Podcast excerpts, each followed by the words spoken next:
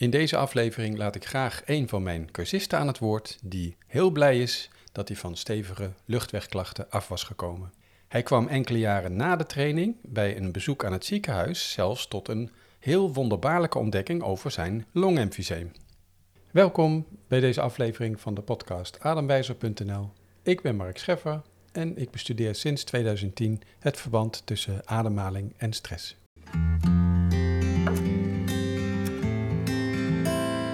Hans van der Pol was een van mijn eerste cursisten. Ik zeg er meteen bij, niemand is hetzelfde en elk pad naar zelfgenezing is weer anders, maar het is heel bemoedigend om zijn verhaal te horen als je luchtwegklachten hebt. Hij was zo aardig dat ik zijn ervaring mocht opnemen. Dat is natuurlijk beter dan wanneer ik zelf zeg dat het een prachtige training is, ook al weet ik dat uit eigen ervaring. Hoe dan ook, hier komt Hans. Mijn naam is uh, Hans van der Pol. Ik ben eigenaar van de reclamestudio in Deventer. Zal eerst iets schetsen over hoe mijn gezondheidstoestand was tot uh, drie maanden geleden ongeveer. Ik heb in de loop der jaren veel last gehad van longproblemen. Als kind zijnde was ik al astmatisch, had ik bronchitis en heb meerdere keren longontsteking gehad. Dus longen zijn voor mij altijd een zwakke kant. Um, door mijn hele leven gebleven, kwam ik ook regelmatig tegen. De laatste jaren werd dat wat uh, sterker. Ik ademde wat moeizamer, kreeg wat meer slijm. En, en via de huisarts uiteindelijk ook uh, in het ziekenhuis terechtgekomen waarbij onderzocht is wat er met mijn longen is. En ehm, dat is van astmatische bronchitis doorgegaan naar longemfyseem. Waarbij ik uh, inhalers werd, kreeg voorgeschreven als uh. En andere namen vergeet ik helaas altijd, want ik ben niet zo goed in naam. Maar um, daar reageerde ik niet echt geweldig op, dus dat heb ik altijd terzijde geschoven. Ik probeerde een beetje te leven met mijn handicap zoals ik het wel zag. De laatste twee jaar werd het eigenlijk steeds minder en minder. Ik merkte dat ik steeds benauwder werd en steeds meer slijmvorming. Om, om de 1 à 2 minuten al in hoesbuien uitbarsten. En uh, merkte ook s'avonds dat mijn energielevel zo laag was dat ik vaak niet eens meer zin had om überhaupt iets te doen na mijn werk. Na één week dit gedaan te hebben, merkte ik al dat na die week, mijn vrouw die had een optreden met haar koor in Olst. Wij wonen in Deventer.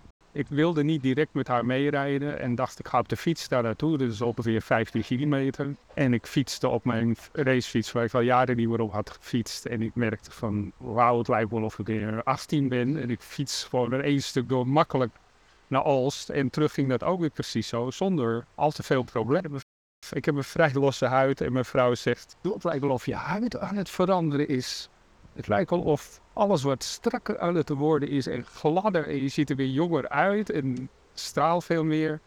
Nou, ik denk dat dat allemaal leuke zij-effecten zijn. Maar heel belangrijk voor mij is dat ik denk wel 90% minder hoest. Ik heb ongeveer ook, ja, het is moeilijk te meten, maar 90% minder slijm. Ik denk dat ik daardoor ook minder hoest. Gesprekken zoals deze die ik nu hou, kon ik vroeger eigenlijk niet meer voeren. Want was ik nou, toch wel om de minuut echt in een hoestbui. Nou, dit is wel duidelijk, dat is dus voorbij. Ik slaap heel diep, heel ontspannen. En het mooie is dat zodra ik ga liggen en ik doe even de verminderde ademhaling. Dus ik ga liggen, doe mijn ogen dicht, ga even heel rustig aan in. Val ik, binnen een minuut val ik in slaap. Ja, ik word tussendoor nauwelijks wakker. Of ik moet een keer naar het toilet, maar dat hoef ik al niet zo gauw. Dus ik word eigenlijk ochtends wakker, nauwelijks weten te slapen. Zo diep geslapen ja, ik merk dat het, dat nog steeds dagelijks ervaar hoe prettig het is om weer een goed energielevel te hebben. En ook weer daardoor dingen te kunnen doen. Dus ik ben nu s'avonds bezig met dingen weer op te pakken en onze tuin op te knappen en dingen opruimen. En ik heb weer zin in mijn leven op te bouwen en er weer iets geweldig leuks van te maken. Dank voor je verhaal, Hans. Er komt dadelijk nog een bizarre ontknoping van Hans zijn verhaal. Dat gaat hij ook straks zelf vertellen. Maar ik wil nog even kwijt dat mijn eigen pad naar een gezondere ademhaling langer duurde dan dat van Hans. Als je het al kan vergelijken met elkaar. Uh, Hans deed al heel veel dingen kennelijk beter dan ik. En zo moest ik zelf nog heel wat uh, overtollige kilo's kwijt, waardoor mijn ademhaling weer beter kon worden. En uh, ook al kon ik door de training al wel weer goed slapen. Ook zag ik bij mezelf dat mijn lichaam en ook mijn geest zich steeds meer konden ontspannen. De training is sinds die eerste jaren aangevuld met alles wat ik denk dat behulpzaam kan zijn om niet alleen gezonder te ademen, maar ook mentaal en fysiek diep te leren ontspannen. Dat is noodzakelijk om niet weer in een slechte gezondheid en een minder goede ademhaling verzeild te raken. En toen kreeg het verhaal van Hans een bizarre wending. Hans had al jaren longemfyseem. Dat is niet fijn. De longblaasjes raken daarbij onherstelbaar beschadigd. Hans was een paar jaar na de ademwijzertraining benieuwd hoe het met de longemfyseem stond. Hier komt zijn verhaal.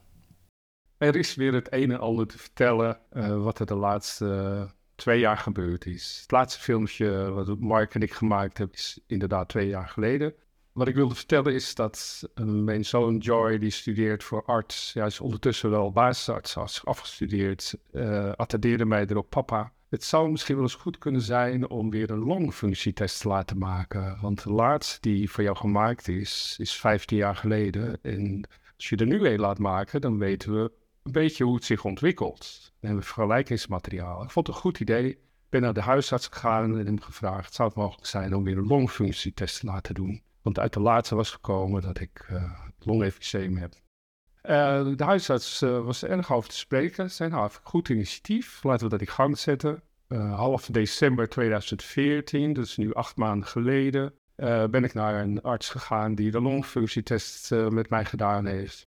En de longfunctietest houdt in dat je een apparaat in je mond krijgt die aangesloten is op apparatuur die precies meet hoeveel de longinhoud is, hoeveel je uit kunt blazen, de kracht die het heeft. allemaal elementen waar ik nu niet te veel op in wil gaan, maar door drie keer de, test af te leggen en voor die tijd adem je langzaam in en uit, in en uit en op een gegeven moment heel diep in en dan in één keer alle adem uit en dan meet het apparaat hoe je longen ervoor staan. Nou, dat drie keer gedaan hebben, de, keek de arts op de gegevens die de apparatuur gaf en was helemaal stom verbaasd. Hij zei van, nou, dit is eigenlijk helemaal niet mogelijk, want ik zie dat u helemaal geen enkele vorm van longemfyseem of COPD heeft.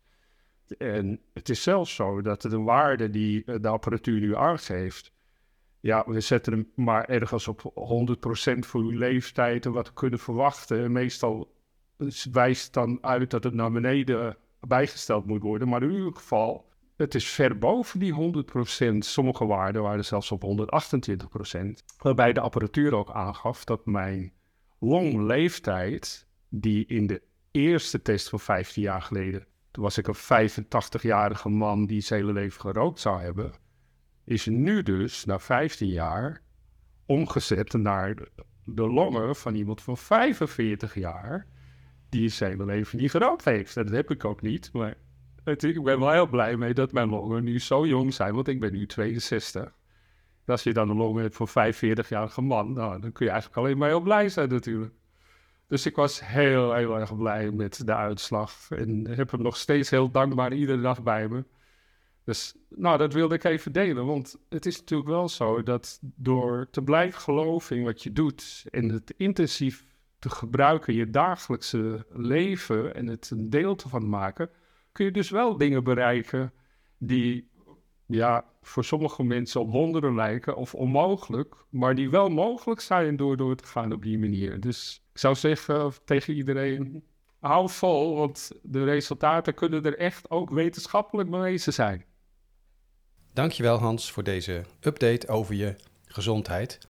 Ik heb Hans thuis eens opgezocht en hij liet zien hoe hij na de training de verbouwing van zijn huis helemaal zelf ter hand had genomen. Iets wat daarvoor onmogelijk was. Laat Hans verhaal inspiratie voor je zijn om te investeren in een betere gezondheid. En zoals gezegd, het traject is voor iedereen verschillend, maar ik merk zelf nog bijna elk jaar dat zaken weer beter gaan. Zoals bijvoorbeeld dat ik meer uh, en beter kan leven vanuit ontspanning. Dank voor het luisteren. Meer informatie vind je op ademwijzer.nl en ik tref je graag weer in een andere aflevering.